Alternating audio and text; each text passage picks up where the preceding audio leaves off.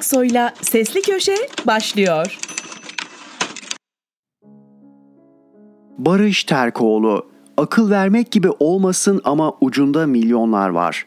Gerçek toprağın altında bir yerde, betonda döksen ağacın kökü gibi çatlatıp çıkıyor. Siemens'in kazandığı yüksek hızlı tren ihalesinde olan biteni günlerce yazdım. Kılıçdaroğlu da geçen hafta grup toplantısında bahsetti. Olay yine olduğu yerde kaldı. Oysa hem yeni bilgiler hem de millete kazandırabilecek bir hamle var. Bu adımı da TCDD'nin atması gerekiyor. Tabii ülkeyi düşünüyorlarsa. Hatırlayın, Siemens'in YHT ihalesiyle ilgili iç soruşturma raporuna ulaşıp yazmıştım. Soruşturma, Siemens'in Colin'le kurduğu ortaklıktaki rüşvet ihbarı nedeniyle yapılmıştı. İhbarda Siemens Türkiye'nin alt tedarikçi Colin'e, Türkiye Cumhuriyeti Devlet Demiryolları yetkililerine rüşvet dağıtması için fazla ödeme yaptığı ifadeleri yer alıyordu. %30 Türk devlet görevlilerine, %20 Colin'e, %20 TCDD yetkililerine, %20 ise Siemens ile Colin'i buluşturan aracılara, %10 ise Siemens Türkiye'nin yöneticilerine diye devam ediyordu. İddiayı inceleyen Siemens soruşturmacıları rüşvet iddialarını belgeleyemediğini söylüyordu. Ancak Siemens'in Colin'e yaptığı ödemeleri tutarsız bulmuştu. Siemens Colin'e işini yapmamasına rağmen neredeyse tüm sözleşme tutarında ödeme yaptı tespitinin yapıldığı soruşturmanın ardından Siemens sözleşmeyi feshetti. Colin'le Siemens tahkim mahkemesinde karşı karşıya geldi. Bu kadarla kalmadım. Gizlilik kararının olmadığı bir başka mahkemenin dosyalarını karıştırıp Siemens çalışanlarının e-posta yazışmalarını anlattım. Siemens, Colin'i Türkiye'de ihaleleri almayı kolaylaştırmak için seçmişti. Kendisi için lobi faaliyeti yapmasını bekliyordu. Bunu da yöneticileri e-postalarda açıkça söylüyordu. Önce kendi hatamı düzelteyim. Bugüne kadarki yazılarımda ihale için basına açıklandığı haliyle yaklaşık 60 milyon avro yazmıştım. TCDD kaynaklarıyla konuştuktan sonra çok daha fazla olduğunu anladım. Bu rakam sadece iki tren alımı içinmiş. TCDD Siemens'ten toplam 12 tren ve bunların bakım onarım hizmetini almış. İhalenin toplamı 407 milyon 147 bin avroymuş. Yani az yazmışım. Peki gelelim yeni bilgilere. Hatta yapılabileceklere. Şunu söyleyeyim. Her ihalede olduğu gibi TCDD ihalelerinde de bir şartname hazırlanıyor. Yapılacak işin niteliği belirleniyor. Yüksek hızlı tren ihalesinde de böyle olmuş. Şartnamedeki maddelerden biri var ki konumuzu ilgilendiriyor. Bu kavramın adı güvenilirlik. Dikkat edin güvenlik demiyorum. Siemens'in TCDD'ye sattığı trenler ihalede ilan edilen güvenilirlik şartlarını sağlamıyor. Bu benim görüşüm değil, bizzat Siemens'in açıklaması. Nasıl mı? TCDD ihale şartnamesinde satın aldığı trenlerin A, B, C, D tipi güvenilirlik şartlarını sağlamasını istemiş. Basitçe söylersek A sınıfı hatalar trenin boşaltılmasına, B sınıfı hatalar trenin yolda kalmasına, C sınıfı hatalar trenin gecikmesine sebep oluyor. Siemens belgeleri kendi trenlerinin bu üçünü sağladığını söylüyor. Gel gelelim sıra D tipine geldiğinde sorun çıkmış. Zira D tipi hatalar aracın gün sonuna kadar servise devam edebildiği arızalar olarak tanımlanmış. Yani koltuk önlerindeki ekranların bozulması, servis lambasının yanmaması ya da tuvalette sorun çıkması gibi. Aracın yola devam ettiği ancak yolcular ve çalışanlar için rahatlığı bozan arızalar bu kapsamda. TCDD ihalesi bu arızaların gerçekleşme sıklığına dair bir kriter belirlemiş. Siemens iç yazışmalarında trenlerin bu kriteri sağlayamayacağını kabul ediyor. Peki bu durumda ne yapabilir? Öyleyse ihaleye girmesin diyebilirsiniz. Siemens ihaleye girmiş ve kazanmış. Sonra D sınıfı güvenilirlik şartlarını hafifletmeye çalışıp da başaramayınca Alman gibi başlayanlar Türk gibi devam etmiş. TCDD'ye güvenilirlik kriterlerini sağlamayan tren versek ne olur diye sormuşlar. Tabii TCDD'nin yapacağı en radikal hamle alın 12 treninizi verin 407 milyonumuz olur. Elbette onca süre kullandıktan sonra hele tren ihtiyacının olduğu bir dönemde TCDD bunu yapmak istemez. Siemens sözleşme maddelerine bakarak TCDD'nin kendisine kriterleri sağlamaması nedeniyle ceza kesebileceğini öngörmüş. Bu cezanın 1 milyon 800 bin avro olacağını hesaplamış. Şaşırtıcı ama kapitalizm belki de bu. %50 ihtimalle bu cezanın çıkacağını düşünerek tahmini bütçeye 900 bin avroyu ceza ödemesi olarak peşin peşin yazmış. Peki başka bir ihtimal daha var mı? Var ama eminim onu kimse düşünmek istemiyordur. Şöyle anlatayım. İhale sonunda trenler geçici kabulle alınıyor. Ödemesinin büyük kısmı yapılıyor. Trenler bir süre kullanılıp bütün şartları sağladığı anlaşıldıktan sonra kalan kısmın ödemesi yapılıyor. Şartnameye göre 12 ayın sonunda kriterler sağlanıyorsa ödeme gerçekleşiyor. Resmi belgelere göre TCDD'nin Siemens'e yapmadığı 56 milyon avroluk kesin ödeme kaldı. Siemens'te kriterleri sağlamıyoruzu kabul ettiğine ve bunu bile bile yaptığına göre TCDD bu parayı vermeyebilir. Konuştuğum hukukçulara göre buna hakkı var. Bunları öğrenmek için Fizan'a gitmeye gerek yok. Ulaştırma Bakanı'nın bana dava açmaktan yapacağı daha önemli bir şey var. TCD'de Siemens'le eski çalışanlar arasındaki davaya avukatını gönderip sürece müdahil olursa bütün evrakı edinebilir. Söylediğim her şeyi de belgelemiş olur. Böylece ülke ekonomisine de 56 milyon avro kazandırır. Uyumak için tek başımıza sağdan sola döneriz ama uyandırılmak için nedense birini bekleriz. Gerçekleri rüyalara tercih ettiğimiz gün kendi kendimize uyanacağız. Barış Terkoğlu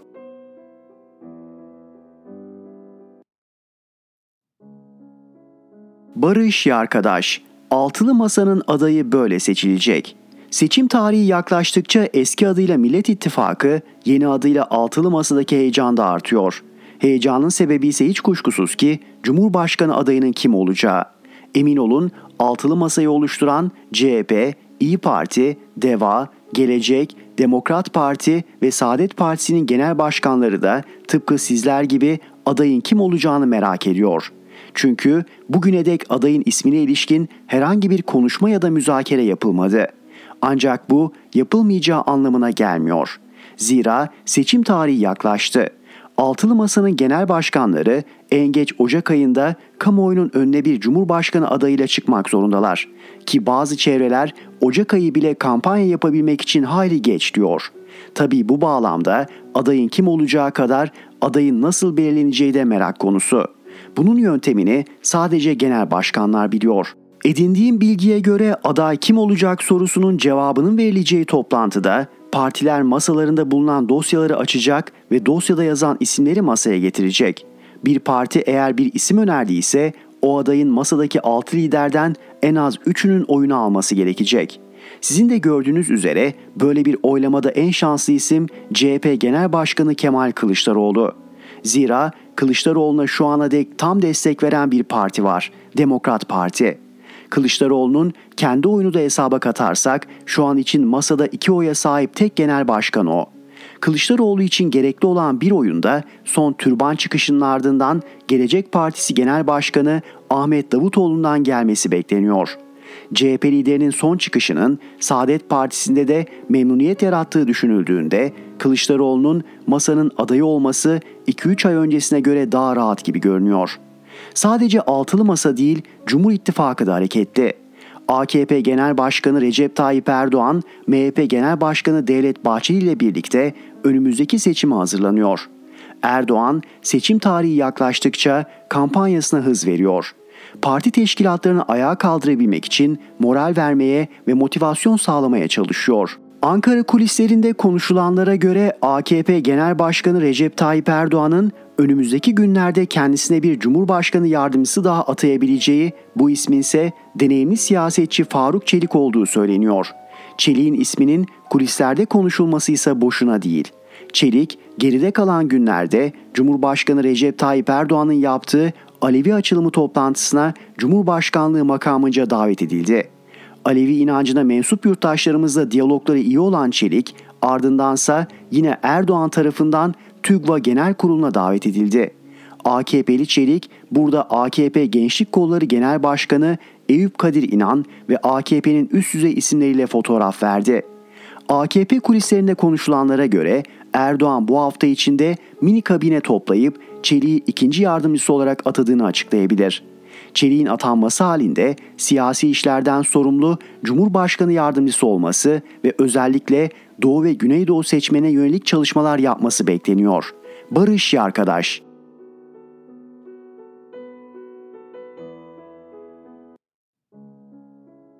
İsmail Saymaz Ben Türkiye'yi barıştırmak istiyorum, Erdoğan kavga ettirmek istiyor.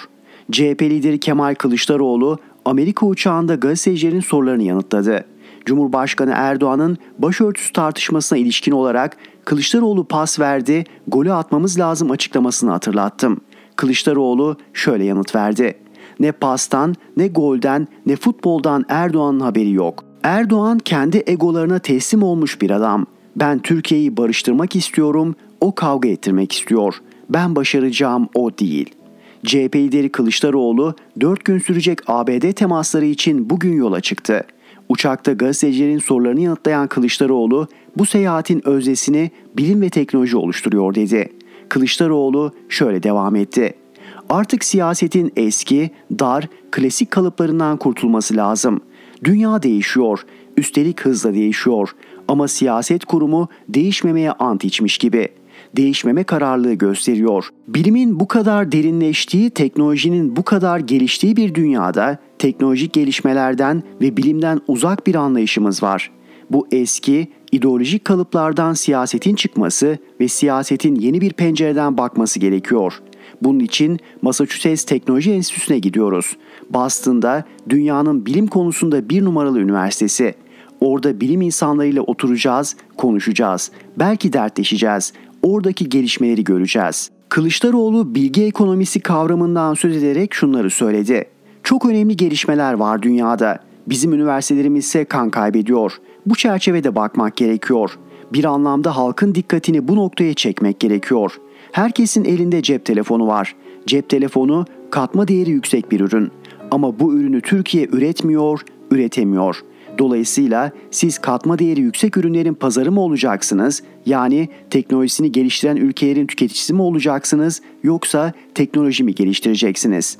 İkinci aşamayı artık Türkiye başlatmak ve bu konuda ciddi adımlar atmak zorunda. Buna bilgi ekonomisi diyoruz.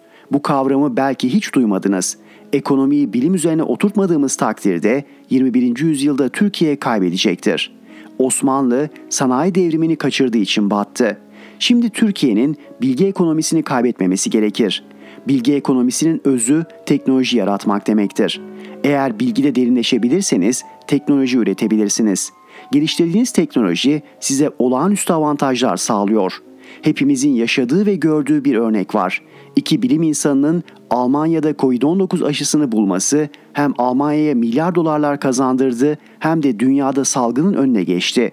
Bu çerçeveden baktığımızda üniversitelerin bilim üretmesinin ne kadar önemli olduğu çıkıyor.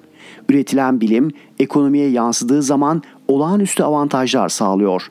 Gelişen teknoloji yapay zekadan tutun diğer alanlara kadar ülkeye olağanüstü kazançlar sağlıyor. Kılıçdaroğlu bilgi ekonomisinin toplumsallaşması gerektiğini ifade ederek şöyle devam etti. Burada bilim ekonomik dedik ama bilim ekonomisinin aynı zamanda sosyalleşmesi lazım. Yani sosyal bilgi ekonomisi dememiz lazım. Teknolojinin yarattığı gelirin toplumsallaşması lazım. Toplumun her kesimine dokunması lazım. Biz bu konuda büyük bir çalışma yapıyoruz. Bu çalışmanın ilk ayağı olarak oraya gidiyorum. Sonra İngiltere, Almanya, diğer bazı yerlere de gideceğiz. Bu seyahat aslında siyaset kurumunun alışık olmadığı ya da siyaset kurumunun oraya icazet almaya gidiyor. Şunu almaya, bunu almaya gidiyor. Hayır efendim onların akıllarına gelmeyen bir şey yapmak zorundayız. Ülkenizi seviyorsanız ve siyaset kurumu topluma bir şeyler kazandırmak istiyorsa bu alana açılmalı ve bu alanda Türkiye'nin geri kalmışlığını engellemesi lazım. Bunu yapacak olan da siyaset kurumu. Bu çerçevede gidiyoruz. İşin özeti bu. Kılıçdaroğlu'na ABD seyahati için şimdi vakti miydi diye eleştiriler yöneltildiğini söyledi. CHP lideri şu yanıtı verdi. Tam vakti tam zamanı. Hatta biraz gecikmiş. Ne kadar erken adım atarsak bilgiyi, bilimi, teknolojiyi ne kadar erken geliştirirsek Türkiye o kadar hızla büyüyecektir. Türkiye o kadar hızla kazanacaktır. Türkiye bölgesinde çok güçlü bir ülke olacaktır. Zaten zamanı mıdır? Şimdi gidilir mi? Ne demek bilim? Ne demek teknoloji? Bak işte mutfaklarda yangın var, onunla ilgilen. Onunla zaten ilgileniyorum. Sadece ben değil, zaten vatandaş yaşıyor. Ama vatandaşı o dertten nasıl kurtaracağız? Nasıl gelişmiş bir ülke haline getireceğiz Türkiye'yi? Nasıl kişi başına geliri 10 yılda 20-25 bin dolara çıkaracağız? Eğer siz bunu yapmazsanız siyasetçi olarak kısır tartışmaların içinde kaybolup gidersiniz. Benim öyle bir niyetim yok. Yani siyaset bize değil, biz siyasetçi olarak topluma ne vermeliyiz? Bunun hesabını yapıyorum ve bunun için gidiyorum. Bu arada Kılıçdaroğlu'nun seyahati sırasında bu yıl Nobel ödülü alan Eni Ernaks'un Babamın Yeri adlı romanıyla Osman Balcıgil'in Ters Kanatlı Şahin adlı kitapları okuduğu görüldü. İsmail Saymaz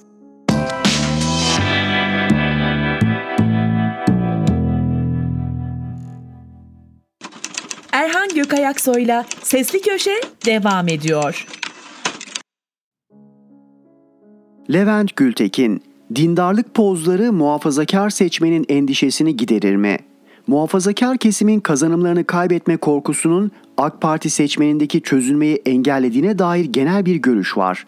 Bu kazanımlarda genel olarak başörtüsü yasaklarının kaldırılması, İmam Hatip okullarının gözde okullar haline getirilmesi ve Diyanet'in devasa bütçesiyle toplumsal yaşamı dizayn eden bir yapıya dönüştürmesi olarak görülüyor. Bu görüş o kadar yaygın ki ülkede siyasetin odağını neredeyse bu anlayış belirliyor.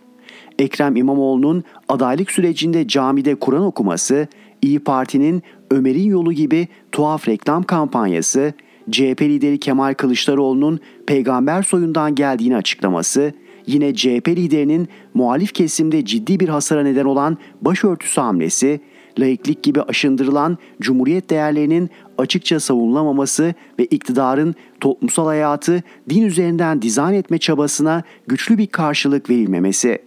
Bütün bunların temelinde siyasetçilerin muhafazakar kesimde var olduğunu düşündükleri bu endişe yatıyor. Aman muhafazakarları ürkütmeyelim, aman bizi farklı bilmesinler yaklaşımı hem muhalefet partilerinin doğru bir siyaset üretmelerini engelliyor hem de muhalif kesimde ciddi bir dağınıklığın oluşmasına neden oluyor. Kemal Kılıçdaroğlu'nun son başörtüsü hamlesi siyaseten bir yararı olmadığı gibi muhalif kesimde büyük bir tahribat yarattı. CHP liderinin bu hamlesi muhalif kesimin muhalefeti olan umudunu zedeledi. Diğer yandan kimi yasakçı anlayışa sahip muhaliflerin ekranlardan 90'lı yılların argümanlarıyla yeniden başörtüsü karşıtlığı yapmaları toplumun bir kesiminde bunlar hiç değişmemiş algısının oluşmasına neden oldu. Ve bu arkadaşların antidemokratik tutumlarının, görüşlerinin faturası da ne yazık ki muhalefete kesildi. Gömleğin düğmesi baştan yanlış iliklenince sonrasında düzeltmek de imkansız hale geliyor. 13 yaşlarında dindar bir hayatı tercih etmiş, 16 yaşlarında İslamcılık ideolojisini benimsemiş, 30'lu yaşlarına kadar İslamcı siyasetin bir parçası olmuş, muhafazakar kesimin evlerindeki, kahvelerindeki sohbetlerine tanıklık etmiş, hayatının yarısını o kesimden insanların arasında geçirmiş biri olarak söyleyebilirim ki muhalefet partileri muhafazakar kesimi tam olarak tanımıyorlar. Çünkü İslamcı ile dindarı, İslamcı ile muhafazakarı ayırt edemiyorlar.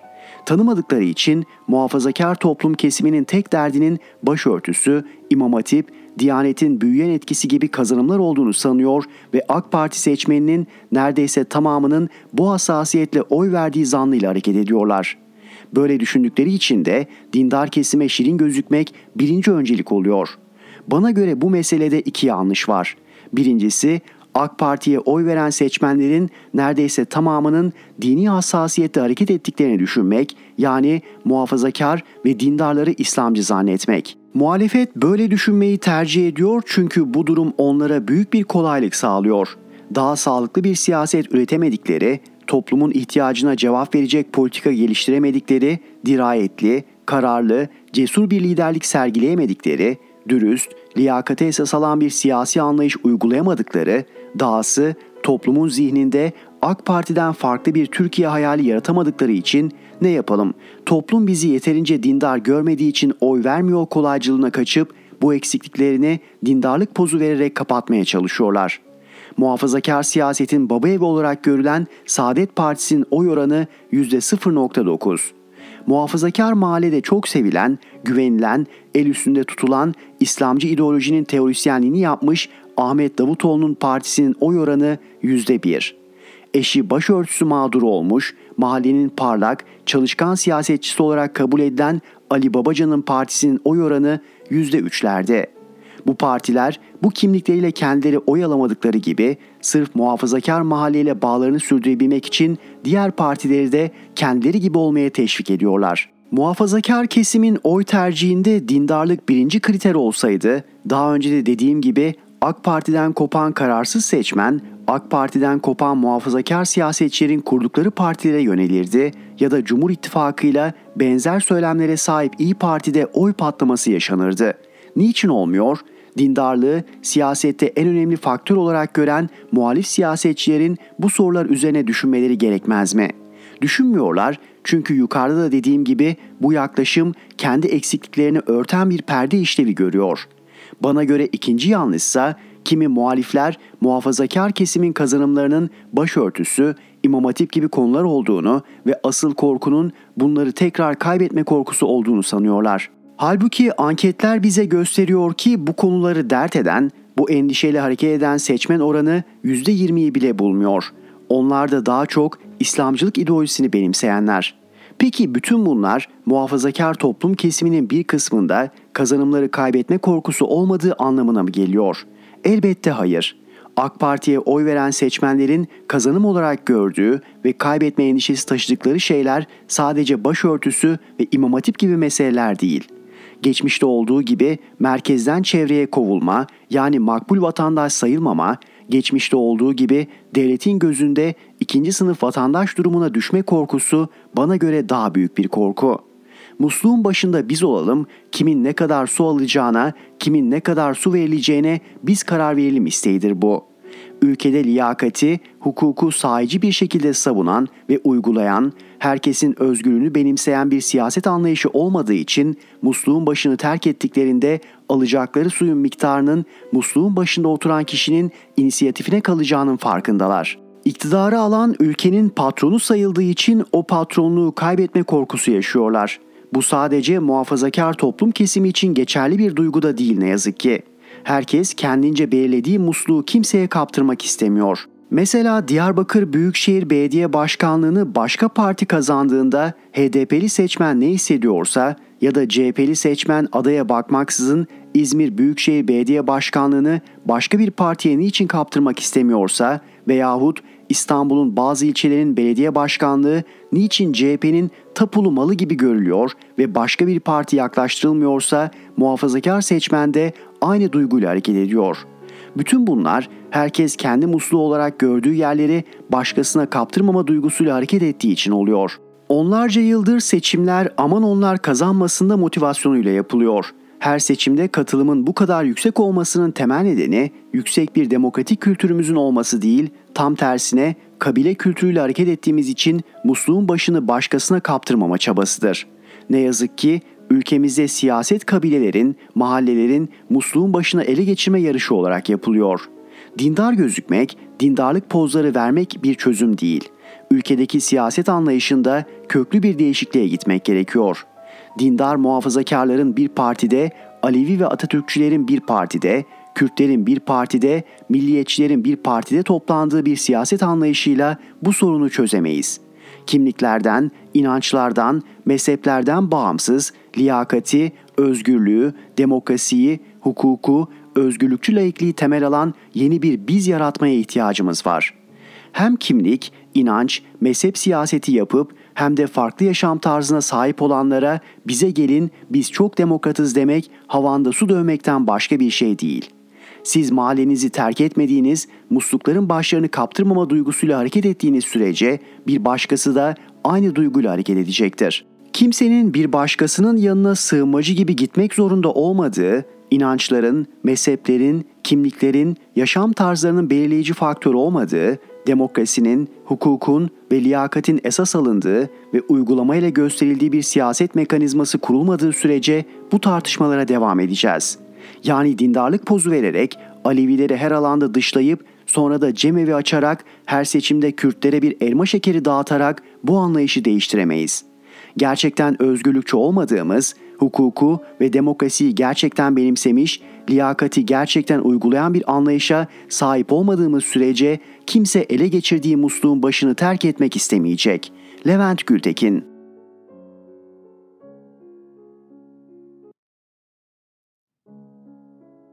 Mehmet Ali Güller, amirallere Montreux'e seçime kumpas.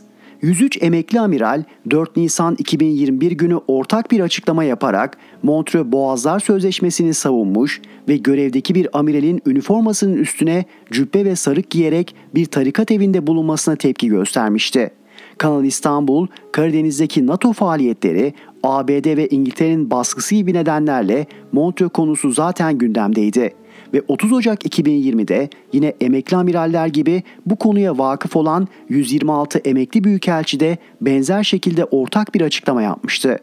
Çünkü ABD Karadeniz'e girişini sınırlayan Montreux Sözleşmesi'nden rahatsızlığını ortaya koyuyor.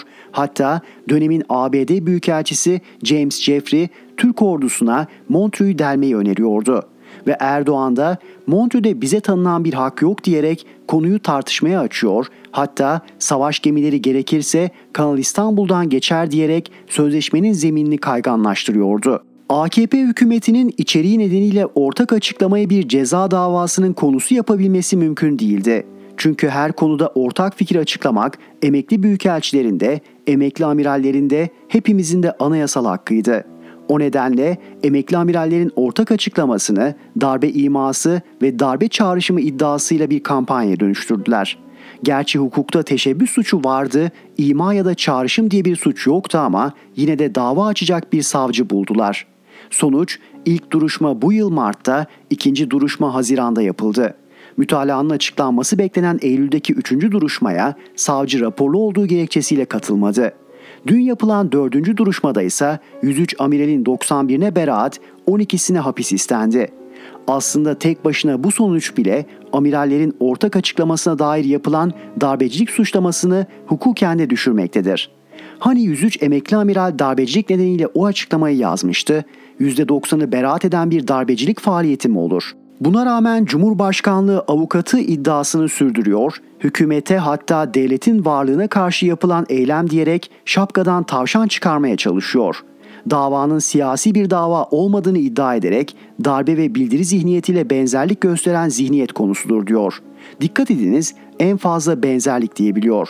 Tıpkı ima ya da çağrışım gibi. Sırf bu nedenle bile bu davayı hukuka da kumpas diye niteleyebiliriz.'' Ama dava şimdi aynı zamanda önümüzdeki seçime de kumpastır. Hapis istenen 12 amirali beraat eden 91 amiralden ayıran özelliği bile bunun göstergesidir. Çünkü o 12 emekli amiral televizyonlara çıkan, gazetelerde yazan, sosyal medyayı etkin kullanan isimlerdir. Bu 12 emekli amiral üzerinde sağlanacak hapis kılıcı aslında seçim sürecinde toplum seçmen üzerinde sağlanacak kılıç olacaktır. Duruşmadan sonra konuştuğum emekli amiral Türker Ertürk de buna işaret ediyor ve kararı iktidarın seçim kampanyası kapsamındaki bir hamlesi olarak yorumluyor. Neden? Çünkü Ertürk'ün de işaret ettiği gibi iktidarın korku iklimine ihtiyacı var. Muhalif kesimleri sindirmeye ihtiyacı var. Nitekim bir kılıcı da FETÖ'nün 28 Şubat kumpas davasını sürdürerek sallıyorlar. Yine duruşmadan sonra konuştuğum emekli amiral Cem Gürdeniz de davanın siyasi bir dava olduğunu belirterek Türkiye'nin çıkarlarını savunmanın ve doğru tarafta olmanın bir bedeli var. O bedeli balyoz kumpasında ödedim. Ödemeye devam ediyorum. Bununla da gurur duyuyorum dedi.'' Görüldüğü gibi AKP FETÖ ortaklı 28 Şubat davası kumpası da AKP'nin amiraller bildirisi davası kumpası da muhalif kesimleri baskılamak hedefiyle hukuku ve siyaseti esir almayı sürdürüyor. Bu bakımdan önümüzdeki seçim aynı zamanda kumpasçılıkla hesaplaşma seçimi olacak. Mehmet Ali Güller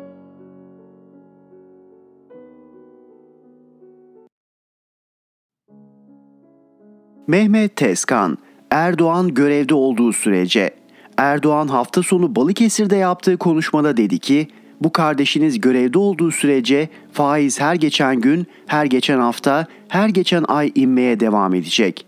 Meydandan alkış. Kalabalıktan birini çevirip sorsan niye alkışladınız? Der ki faizler her geçen ay düşecekmiş. Çok güzel. Fiyatlar da düşecek mi? Domatesin, biberin, sebzenin, meyvenin, etin, sütün, yumurtanın fiyatı da düşecek mi diye sorsan ne cevap verirler? Veya Erdoğan kürsüden bu kardeşiniz görevde olduğu sürece her geçen hafta sebzenin, meyvenin, etin, sütün, yumurtanın fiyatı inecek diyebilir mi? Türk lirası değer kazanacak, dolar, euro 6 liraya, 7 liraya inecek der mi? Demez, diyemez, demiyor zaten. Emekli aylıklarını, memur maaşlarını artıracağını, asgari ücreti enflasyon oranında yükselteceğini söylüyor. Satın alma gücünü artıracakmış. Enflasyonu dizginleme yerine enflasyon kadar ücret artışına gitme yolunu seçti. Sonu uçurum olan yola girdi. Niye mi? Devlet ücretleri artırınca vergiler de artacak. Devlet ücretleri artırdığı için özel sektörde aynı oranda ücret artışına gitmek zorunda kalacak. Zarar etmemek için ürünlere zam yapacak. Fiyatlar daha da yukarı çıkacak, hayat pahalılığı devam edecek. Yüksek enflasyon ekonomiye yapışacak. Olacak olan bu. Bu filmi izledik. Türkiye liradan 6-0 atma noktasına bu politikayla geldi. ABD aptal mı? Avrupa ülkeleri salak mı? %8-9 enflasyon mu var? Ücretleri %10 artırırlar olur biter. Niye faizleri artırarak, resesyonu göze alarak zorlu mücadeleye giriyorlar ki? Erdoğan'ın yaptığını yapsınlar, Nebati Bakan'ın izinden gitsinler. Sarayda hiç mi baba yiğit kişi yok? Kimse çıkıp sayın reisim siz politika faizini indirince piyasa faizi inmiyor, tam tersi çıkıyor diyemiyor mu? Faizi indirerek enflasyonu yükselten, faizi indirerek faizi artıran tek ülke biziz. Bu konuda maşallahımız var. Kamu bankaları iktidarın belirlediği faizle kredi vermek için bin dereden su getiriyor, verdikleri kredinin bir kısmını kendilerini garantiye almak için bloke ediyor. Faizi indiren Merkez Bankası bankalar kredi dağıtmasın diye barikatlar kuruyor. Bunları reislerine anlatmıyorlar mı?'' Bu satırları okuyup abartıyorsun diyenler olabilir. Onlara derim ki gidin kamu bankasına konut kredisi almaya kalkın. Tüketici kredisi isteyin bakalım alabiliyor musunuz? 300 bin liranın bir kuruş üstünde konut kredisi vermiyorlar. 400 bine 500 bine ev mi kaldı? Erdoğan'ın Türkiye modeli konut fiyatlarını da zıplattı. 3'e 4'e katlattı. Kamu bankalarının verdiği düşük faizli kredi miktarı komik oldu. İşin gerçeği şu her gün, her hafta, her ay inen faiz bir avuç kişinin işine yarıyor. Halkın sırtına yük daha da biniyor. Çünkü dolar artıyor, dolar artınca başta akaryakıt olmak üzere tüm ürünler zamlanıyor. Artık ne söylesek boş. Erdoğan görevde olduğu sürece bu düzen devam edecek. Yoksulun parası varlıklının cebine akacak. Erdoğan'ın son zamanlarda yapmak istediği şu faizi indirerek ekonomide büyük zafer kazanmış imajı yaratarak büyük çöküşü, büyük başarısızlığı maskelemek derdinde. 2023 yılında ihracatta 500 milyar dolara ulaşacaktık. Yarısına zor geldik. Büyük başarısızlık ama Erdoğan başarı diye sunuyor. Cari fazla vererek enflasyon sorununu kökünden çözecektik. Cari açık 60 milyar doları bulacak. Geçen yılın 4 katı.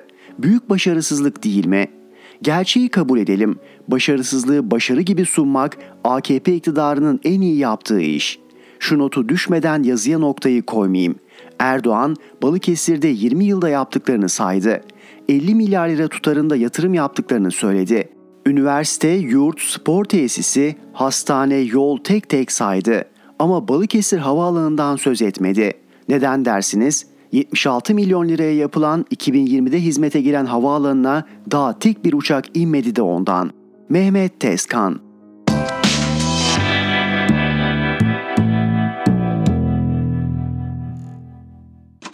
Erhan Gökayaksoy'la Sesli Köşe devam ediyor. Murat Ağırel, kötülüğün içerisinden geçiyoruz. Türkiye'de son günlerde büyük bir rüşvet skandalı patlak verdi. Ancak ne gazeteciler ne de toplum bu konunun üzerine gitti. Rüşvet skandalı dış basından yansıyan haberlerle Türkiye'ye uzandı. 112 acil yardım sisteminin yazılımı üzerinden dönen dolaplarda SGK ve İçişleri Bakanlığı yetkililerine milyonlarca dolarlık rüşvetler verilmiş. Üstelik rüşveti veren Oracle adlı şirket de verdiği rüşveti kabul etmiş. Bu konuyla ilgili hazırlanan resmi inceleme raporunu inceledim. Anlatayım. Adı Securities and Exchange Commission yani SEC. Bu terimin Türkçesi ise Menkul Kıymetler ve Borsa Komisyonu olarak biliniyor. SEC, ABD'deki menkul kıymetleri ve borsayı denetlemekle görevli olan resmi bir kurum. 1934 senesinde kurulmuş federal bir kurum. Bu federal kurum menkul değerlerin ve benzeri yatırım ürünlerinin satışını ve ticaretini düzenlemektedir. Bu kurum federal menkul kıymet yasasını uygulayan, yasaya uygun olmayan durumlar için dava açabilen bir kurum. Adını sıklıkla duyuyoruz. Duymamızın sebebi ise ABD merkezli şirketlerin başka ülkelerde faaliyetleri esnasında verdiği rüşvetler. E dolayısıyla rüşvet verilen kişiler Türkiye'de olunca biz ancak duyuyoruz. Ve yine duyduk. Bu sefer Oracle adlı yazılım firmasıyla duyduk. ABD Menkul Kıymetler ve Borsa Komisyonu SEC, yazılım devi Oracle hakkında yurt dışı yolsuzluk uygulamaları yasasını ihlal ettiği gerekçesiyle yürüttüğü soruşturmanın neticelendiğini duyurdu. Oracle'ın Türkiye, BAE ve Hindistan'daki şubelerinin veri tabanını satmaya yönelik olarak ilgili yöneticilere vermek için örtülü ödenek kullandığı ortaya çıktı. Firma ABD'de Menkul Kıymetler ve Borsa Komisyonu'na bu yolsuzluk suçlamalarını kapatmak için ceza ödedi. 2016-2019 yılları arasında bu ülkelerde iş karşılığı rüşvet vermek maksadıyla özel fonlar oluşturdu. Firma ile yapılan görüşmelerde firma rüşvet verdiğini kabul edip 23 milyon dolar cezayı da kabul etmiş. Rapordan devam edelim. Türkiye ve Birleşik Arap Emirlikleri merkezli Oracle kuruluşları belirli rüşvet havuzundaki parayı artırmak için sahte pazarlama talepleri oluşturdu ve bu ülkelerdeki Oracle kuruluşlarının denetçileri de bunu onayladı. Oracle Türkiye yetkilileri burada biriken paraları tamamen şirket politikasına aykırı olarak son kullanıcılara rüşvet vermek, seyahat masraflarını karşılamak için kullandı. Havuz, kumbara gibi isimler verilen bu fondaki para yabancı yetkililer dahil birçok kişinin seyahat masraflarında kullanıldı. Oracle firması kendi teknoloji konferansı dahil olmak üzere Los Angeles ve Napa Vadisi gibi yerlere aileleri ve çocuklarıyla yapılan seyahatler ödendi. Oracle Türkiye yetkilileri ve ülkenin yöneticileri de bu yaşananları biliyordu ve göz yumdu. Bu şemaların nasıl uygulandığı düşünülünce Oracle bu rüşvet çarkının boyutu ve kapsamının kayıtlarından yoksun. Mayıs 2018'de Oracle Türkiye ile İçişleri Bakanlığı 112 acil çağrı hattının sistemi için anlaşmaya vardı. Oracle Türkiye satış temsilcisi yetkilileri etik olmayan bir şekilde Kaliforniya'ya bir haftalık bir gezi planladı. Gezinin parası muhtemelen bu bahsettiğimiz havuzdan ödendi. 4 yetkili Oracle Genel Merkezi'nde üst düzey bir Oracle yetkilisiyle sadece 15-20 dakikalık bir toplantı yaptı. Geri kalan günlerde İçişleri Bakanlığı yetkilileri bir hafta boyunca Los Angeles ve Napa Vadisi'nde ağırlandı. Tema parkı gibi yerler gezdirildi.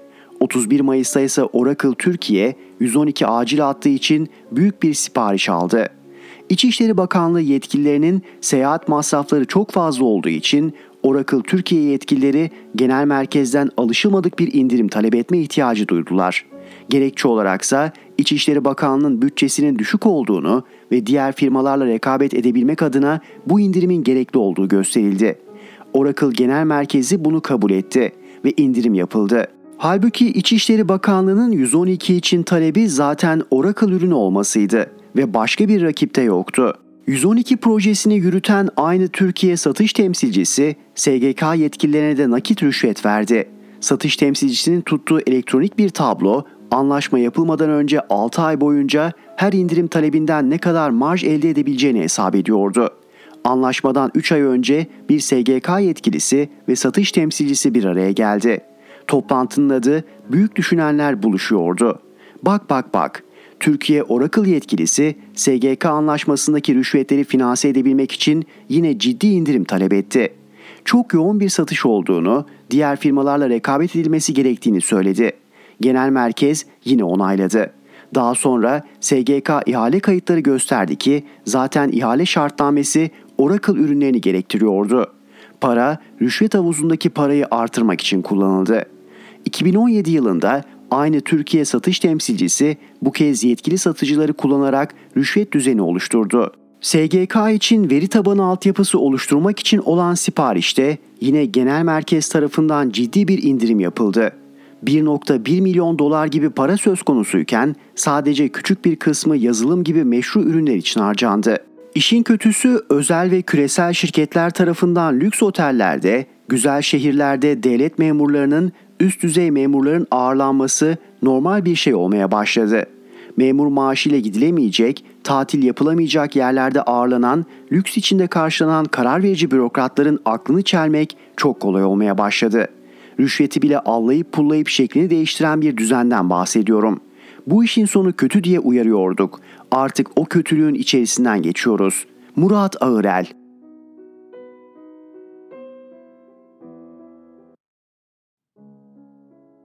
Müyesser Yıldız Türban Maçı Ardı arkası kesilmeyen zamlardan dış politikadaki kuşatmalara, adaletsizliklerden yolsuzluklara, çocukları, gençleri, aileleri ve nihayetinde tüm toplumu sarsan sorunlarımız yokmuş gibi CHP Genel Başkanı Kemal Kılıçdaroğlu türban güvencesi için durup dururken bir kanun teklifi verince ülkenin ana gündem konuları güme gitti.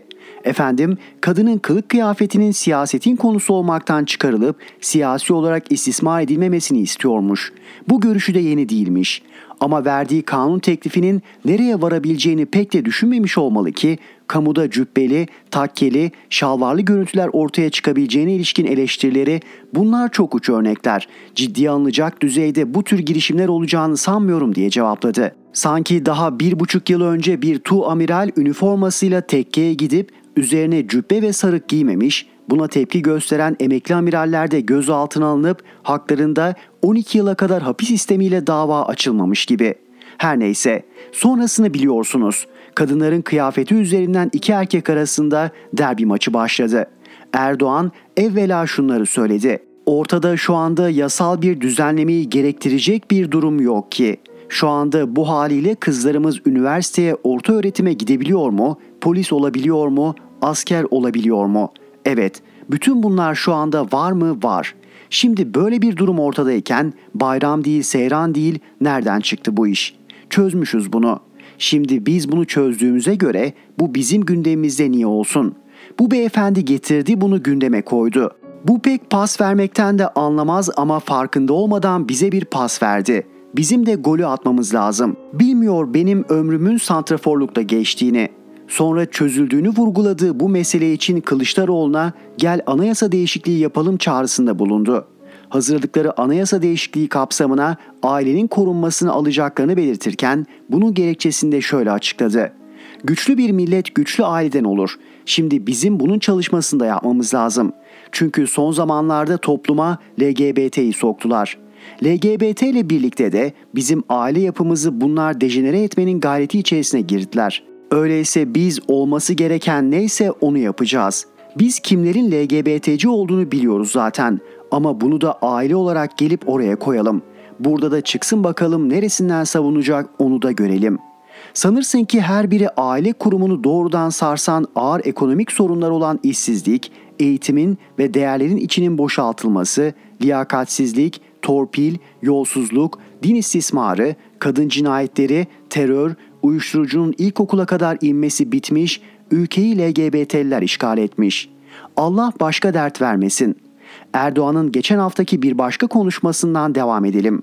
AKP Meclis Grubu toplantısında birilerinin ülkenin ve milletin geleceğini, imkanlarını, menfaatlerini düşünmeden dün öyle, bugün böyle diyerek iki yüzlü tavırlar sergileyebileceğini vurgulayıp şunları kaydetti. Ama bizim milletimize ne aldatanlardan ne aldananlardan olmama sözümüz var. Bunun için ne söylüyorsak yerine getirme, dolayısıyla ağzımızdan çıkan her şeyi ölçüp biçerek hesabını kitabını yaparak ifade etme mecburiyetimiz bulunuyor.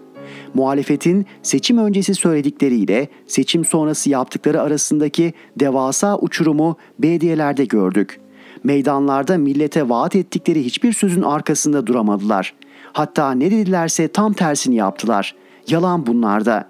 Daniskasını aynen söylüyorlar. Şimdi aynı sinsi taktiği önümüzdeki seçimler içinde kullanmanın hazırlıklarını yaptıklarından hiç şüpheniz olmasın. Tabii bu milletimizin geçmişte çok gördüğü bir oyun. Seçim öncesi kendisine ne sözler verildiğini, seçim sonrası ise ne sıkıntılar çektiğini feraset sahibi insanımız çok iyi biliyor. İşte Erdoğan'ın bu milletimize ne aldatanlardan ne aldananlardan olmama sözümüz var ifadesinden hareketle son 20 yılda türban konusundaki görüşlerini özetleyelim. Ancak öncesinde Kılıçdaroğlu'nun Eylül 2010'da Brüksel'de yaptığı bir açıklamanın da altını çizelim. Kelimesi kelimesine şunları söyledi. İnsanımız ister inancı nedeniyle, ister sosyal nedenlerle, ister geleneksel, ister aileden gördüğü şekliyle giyinebilir. Kimse kılık kıyafeti dolayısıyla sorgulanmıyor da zaten. Sorgulanmamalı da. Ayrıca kılık kıyafetler yasa konusu da olmaz. Yasalarla kılık kıyafeti düzenleyemezsiniz. Bakın şapka kanunu var, şapka takan var mı? Bir dönem fes giymek mecburiydi. Sonra fesi çıkarmak sorun oldu. O nedenle bunları toplum aşar. Biz de aşacağız. 12 yıl sonra ne yapıyor? Erdoğan'ın bile çözülü dediğini yasa konusu yapıyor. Erdoğan'ın görüşleri ise kronolojik olarak şöyle bir seyir izledi. Ocak 2003. Medya ortalığı nasıl gerer bunun arayışı içinde. Aslında nasıl rahatlatılır bunu düşünmeliler. Türkiye geleceği düşünüyor. Biz türbanı geçmişiz, aşmışız. Medya bunlarla uğraşıyor. Medya bu ülkeyi gerdirmesin. Ekim 2004. Türban yasağını toplumsal bir mutabakatta çözme niyetindeyiz. Ülkede bir gerilime neden olabilecek bir adım şu anda atmıyoruz. Mayıs 2006'da dönemin Başbakan Yardımcısı Mehmet Ali Şahin'in yaptıkları anketlerde türbanın %1,5'luk kesim için sorun olduğunun ortaya çıktığını belirterek bizim de önceliğimiz türban değil işsizliktir dediğini hatırlatıp Erdoğan'ın görüşleriyle devam edelim. Ocak 2008'de Türkiye'de başını örtenlere başörtüsünü siyasi simge olarak kullanıyorsun şeklinde baskılar yapıldığını söyleyip şöyle konuştu. Velev ki bir siyasi simge olarak taktığını düşünün. Bir siyasi simge olarak takmayı suç kabul edebilir misiniz? Simgelere bir yasak getirebilir misiniz? Özgürlükler noktasında dünyanın neresinde böyle bir yasak var? Buradaki dert başka aslında. Biz bunu çok iyi biliyoruz. Bunu maalesef takdirde zorlanıyoruz. Ama bu sıkıntıyı aşacağımıza inanıyorum.'' Bunu düzenlemeyle aşmak öyle zannediyorum ki eğitim özgürlüğü noktasında bir sıkıntıyı aşmaya da vesile olacaktır. 27 Şubat 2013'te 28 Şubat sürecindeki baskıların bugün sona erdiğini bildirip şimdi katsayı diye bir sorunumuz var mı? Yok, kalktı. Artık başörtü olayı diye de bir sorunumuz yok. O da kalktı. Ama daha almamız gereken mesafe var. Bunun farkındayım. Fakat sabırla inşallah nasıl bugüne kadar sabrettiysek bu oldu, bundan sonrası da olacak. Şimdi altını çiziyorum unutmayın. Her kutlu doğum sancılı olur. Sağlıklı doğum 9 ay 10 günde olur. Erken olursa sıkıntılı olabilir. İnşallah bu sağlıklı doğum içinde bu yürüyüşümüzü sabırla devam ettiriyoruz dedi. Bu sözlerden 8 ay sonra bir mesafe daha alındı demokratikleşme paketiyle TSK, yargı ve emniyet hariç kamu kurumlarında türban serbest bırakılırken Erdoğan şunları kaydetti. TSK çalışanları, emniyet mensupları ve hakim savcılar istisnai olarak kendi mevzuatları dahilinde kendileri istedikleri zaman istedikleri düzenlemeyi yapabilirler. Biz bunu şu anda kendi yapacağımız düzenlemenin dışında tuttuk. Belli aşamaları kırmadan, dökmeden sürdürmek gerekir. Bu konuyla ilgili bazı kurumlarımız kendi tasarruflarına bunu bırakarak bu adımları kendileri atabilirler. Ülkenin hassasiyetleri de onlarca zaten malumdur. Bunun da farkındayız. Şu anda atılan adım zaten çok çok önemli bir adımdır. Devamı malum. 2015'te yargıda, 2016'da poliste, 2017'de de Türk Silahlı Kuvvetleri'nde türban serbestisine geçildi. Erdoğan'ın geçtiğimiz çarşamba günü yapılan grup toplantısında ömrümüzü verdiğimiz bir mücadele neticesinde adım adım çözdüğümüz başörtüsü meselesi demesinin sebebi de tabii bunlardı. Erdoğan'ın eşcinseller veya LGBT ile ilgili geçmişteki sözlerini de kısaca aktaralım. 2002 seçimleri öncesinde eşcinsellerin de kendi hak ve özgürlükleri çerçevesinde yasal güvence altına alınması şart. Zaman zaman bazı televizyon ekranlarında onların da muhatap oldukları muameleleri insani bulmuyoruz dedi. Ekim 2004'te Türkiye'nin AB üyeliğine soğuk bakan Fransızları ikna için gittiği Paris'te verdiği özgürlükçü mesajlardan birisi şu oldu. Ben bir dini lider, dini otorite olarak karşınızda değilim. Bunun dinsel yaklaşımı farklıdır. Siyasi, hukuki yaklaşımı farklıdır. Siyasi ve hukuki açıdan ayrıca değerlendirilir. Ancak tabii eşcinsellerin de şüphesiz kendilerine ait bir hukuku da vardır. Ayrıca AB içinde eşcinsellerin evlenmeleri ve evlat edinmeleri hakkını nasıl değerlendiriyorsunuz şeklindeki bir soruya AB Anayasası'nda bu nasıl yer alacak onu şu anda bilemiyorum. Bunu imzaladığımız zaman göreceğiz. Ancak bizim hukukumuzda bu konu daha oturmuş değil. Daha tartışma aşamasında cevabını verdi. Bilmem 20 yıldır nasıl aldatıldığımızı ve bir kez daha nasıl aldatılmak istendiğimizi anlatabildik mi? Müyesser Yıldız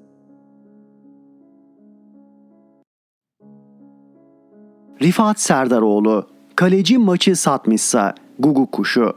En başarılı antrenörle anlaşmış, en kaliteli futbolcuları transfer etmişsiniz. Amigolar ve seyirciler muazzam, saha deseniz halı gibi. Her yıl olduğu gibi yine finaldesiniz. 15 yıldır sürekli yenildiğiniz ve hep ikinci olduğunuz rakibinizi bu defa yenmek ve şampiyon olmak için maça çıkıyorsunuz. Takımda moraller bomba gibi. Maç başlıyor, kalenize bir şut çekiliyor. Tıngır mıngır giden top gol çizgisini geçtikten sonra kaleciniz boşa plonjon yapıyor. Dakika bir gol bir. Ne oluyor bu ne şanssızlık hadi toparlanalım diyerek seyirci coşuyor. Haydi takım haydi tam zamanı tam zamanı şimdi. Takım toparlanmaya başlıyor derken bir şut hayda bir gol daha. İlk 45 dakika biterken skor tabelasına bakamıyorsunuz bile. Skor 0'a 4. Takımda herkes en sevdiğini kaybetmişçesine suskun, üzgün. Kaleci hariç. Kaleci akıllı telefonuyla tweet atıyor. Maçı satmış çünkü. Aziz Türk milleti, doğruları söyleyip yaklaşmakta olan felaketin önlenmesi için insanları sürekli olarak uyarıyoruz.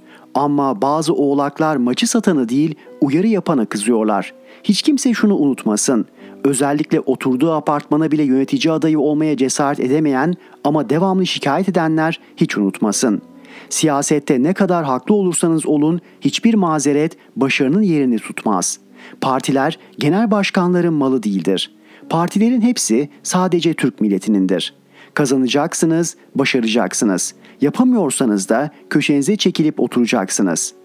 Hele konu ülkenin ve cumhuriyetin geleceği ise eşkıyalar, tarikat cemaat artıkları, hırsızlar, yalancılar iktidarı ele geçirdiyse ve bunda sizin genel başkanınızın büyük payı varsa başarmak zorundasınız. Ha, sizi eleştirenleri yanlış, hatalı, kasıtlı buluyorsanız, örneğin Doğru Parti Genel Başkanı Serdaroğlu'nun söylediklerini doğru bulmuyorsanız ve kendinize güveniyorsanız onu televizyona çağırıp rezil edeceksiniz.'' Yok bu kadar ciddi iddialar ortada dururken görmezden geliyorsanız siz maçı çoktan satmışsınız demektir. Yazının başındaki kaleci gibi. Aziz Türk milleti, bizim feryadımız ülkemiz seçmenlerinin yaklaşık %70-75'inin feryadıdır. Hayır Serdaroğlu, doğru değil diyorsanız açıklamanız gereken çok basit bir durum var.'' Merkez Bankası rezervini eksi 59 milyar dolar seviyesine düşüren bir AKP, Sadece Eylül ayında arka kapıdan 12 milyar dolar satan bir AKP. Toplumun üçte ikisini yoksulluk sınırının altına düşürmüş bir AKP. Cumhuriyetin tüm kurum ve ilkelerine saldıran, Türk ordusuna düşman bir AKP. Ekmeğimizi bizden alıp 9 milyon sığınmacıya veren Arap milliyetçisi bir AKP. Nasıl oluyor da hala birinci parti? Senin oyun neden hep %20-25'te sayıyor? Bence Türk milleti size güvenmiyor. Neden mi? Erdoğan'ın siyasi yasağını sizin genel başkanınız kaldırdı. Genel başkan olur olmaz siz Eylül 2010'da CNN Türk Ankara kulisinde türbanı biz çözeriz dediniz. Siz 21 Eylül 2010'da cemaat ve tarikatlara saygılıyım. Yeter ki siyasallaşmasınlar dediniz. Siz 22 Eylül 2010'da laikliğin tehlikeli olduğunu düşünmüyorum. Din alanında özgürlükleri daha da genişletmek gerekir dediniz. Siz 6 Ekim 2010'da YÖK'ün türbanı serbest bırakan yazısını durdurmak için hukuki yollara başvurmayacağız dediniz. Siz Türkiye'yi diktaya götüren 15 Temmuz darbe girişimini AKP'nin Yeni Kapı mitingine katılıp nutuk atarak meşrulaştırdınız. Siz 1934'te Ayasofya'yı yanlış bir kararla müzeye çevirdiler deyip Atatürk'e hakaret eden Erdoğan'a karşı Atatürk'ü savunmadınız.'' Siz milletvekili Orhan Sarıbal'ın Dersim katliamının hesabını soracağız deyip Atatürk'ü katliamcı ilan etmesine rağmen sustunuz. Siz Ankara Adliyesi'nde Kur'an kursu açıldı. Laik devlette bu olmaz demediniz. Siz önünüzde Yargıtay binasının açılışı Kur'an okunarak yapıldı, seyrettiniz. Siz medrese sistemini hortlatacak, laikliğin köküne kibrit suyu dökecek Diyanet Akademisi'ne oy verdiniz.'' Siz milletvekili Turan Aydoğan tekke zaviye ve şapka devrimi kadük olmuştur dedi ses çıkarmadınız. Siz Türk ordusuna kumpas kuran Taraf Gazetesi yazarını genel başkan yardımcısı yaptınız. Siz Ekmelettin'i Cumhurbaşkanı adayınız yaptınız. Siz ülkemizi tek adam dönemine sokan 16 Nisan 2017 referandumunda 10 bin sandığa gözlemci koyamadığınızı kendiniz itiraf ettiniz. Siz sığınmacıları başımıza bela eden Davutoğlu'nu, Telekom dahil Cumhuriyet'in tüm eserlerini satan Babacan'ı ortak aldınız. Ya Karamollaoğlu ya Uysal. Şunları bilemediniz. Türban konusunu anayasal düzleme çekmenin laiklik ilkesini değiştirmeye gidecek bir yol olduğunu göremediniz, bilemediniz. Evet, Türk milletinin %95'i mütedeyyin insanlardan oluşur. Fakat bunlar AKP'nin kadrolu elemanları değildirler. Onlar Türk ve Müslümandırlar. İnançlarını sadece Allah'ın rızasını kazanmak için yaşayan namuslu dürüst kişilerdir. Bunlar bademler gibi dini kullanarak insanları dolandırmazlar. Yanmaz kefen, uçan takunya, çocuklara tecavüz gibi rezilliklere asla tevessül etmezler. Bilemediğiniz esas gerçek şudur. Bu insanların %99'u Atatürk sevgisiyle doludur ve günde 5 vakit Türk milletine bir vatan devlet armağan ettiği için Atatürk'e ve şehitlerimize dua ederler. Siz bu insanları bırakıp yüzünüzü Türk milletinin sadece %8'i olan kandırılmış zavallılara, siyasal ümmetçilere, ihvancılara ve AKP larvalarına döndürdünüz. Yakında yanıldığınızı bizzat ortaklarınızdan yiyeceğiniz darbelerle göreceksiniz. Yazının başlığındaki guguk kuşu nedir diye soracak olursanız, Sayın Yılmaz Özdil'in Sözcü gazetesindeki 8 Ekim 2022 tarihli yazısını mutlaka okuyun. Not, sayın okurlar, bir ricam var. Bu yazıyı mümkün olduğu kadar çok paylaşalım. Yazıdaki görüşlere itirazı olanlar lütfen rifatserdaroğlu.gmail.com mail adresime yazsınlar. Teşekkür ederim. Rifat Serdaroğlu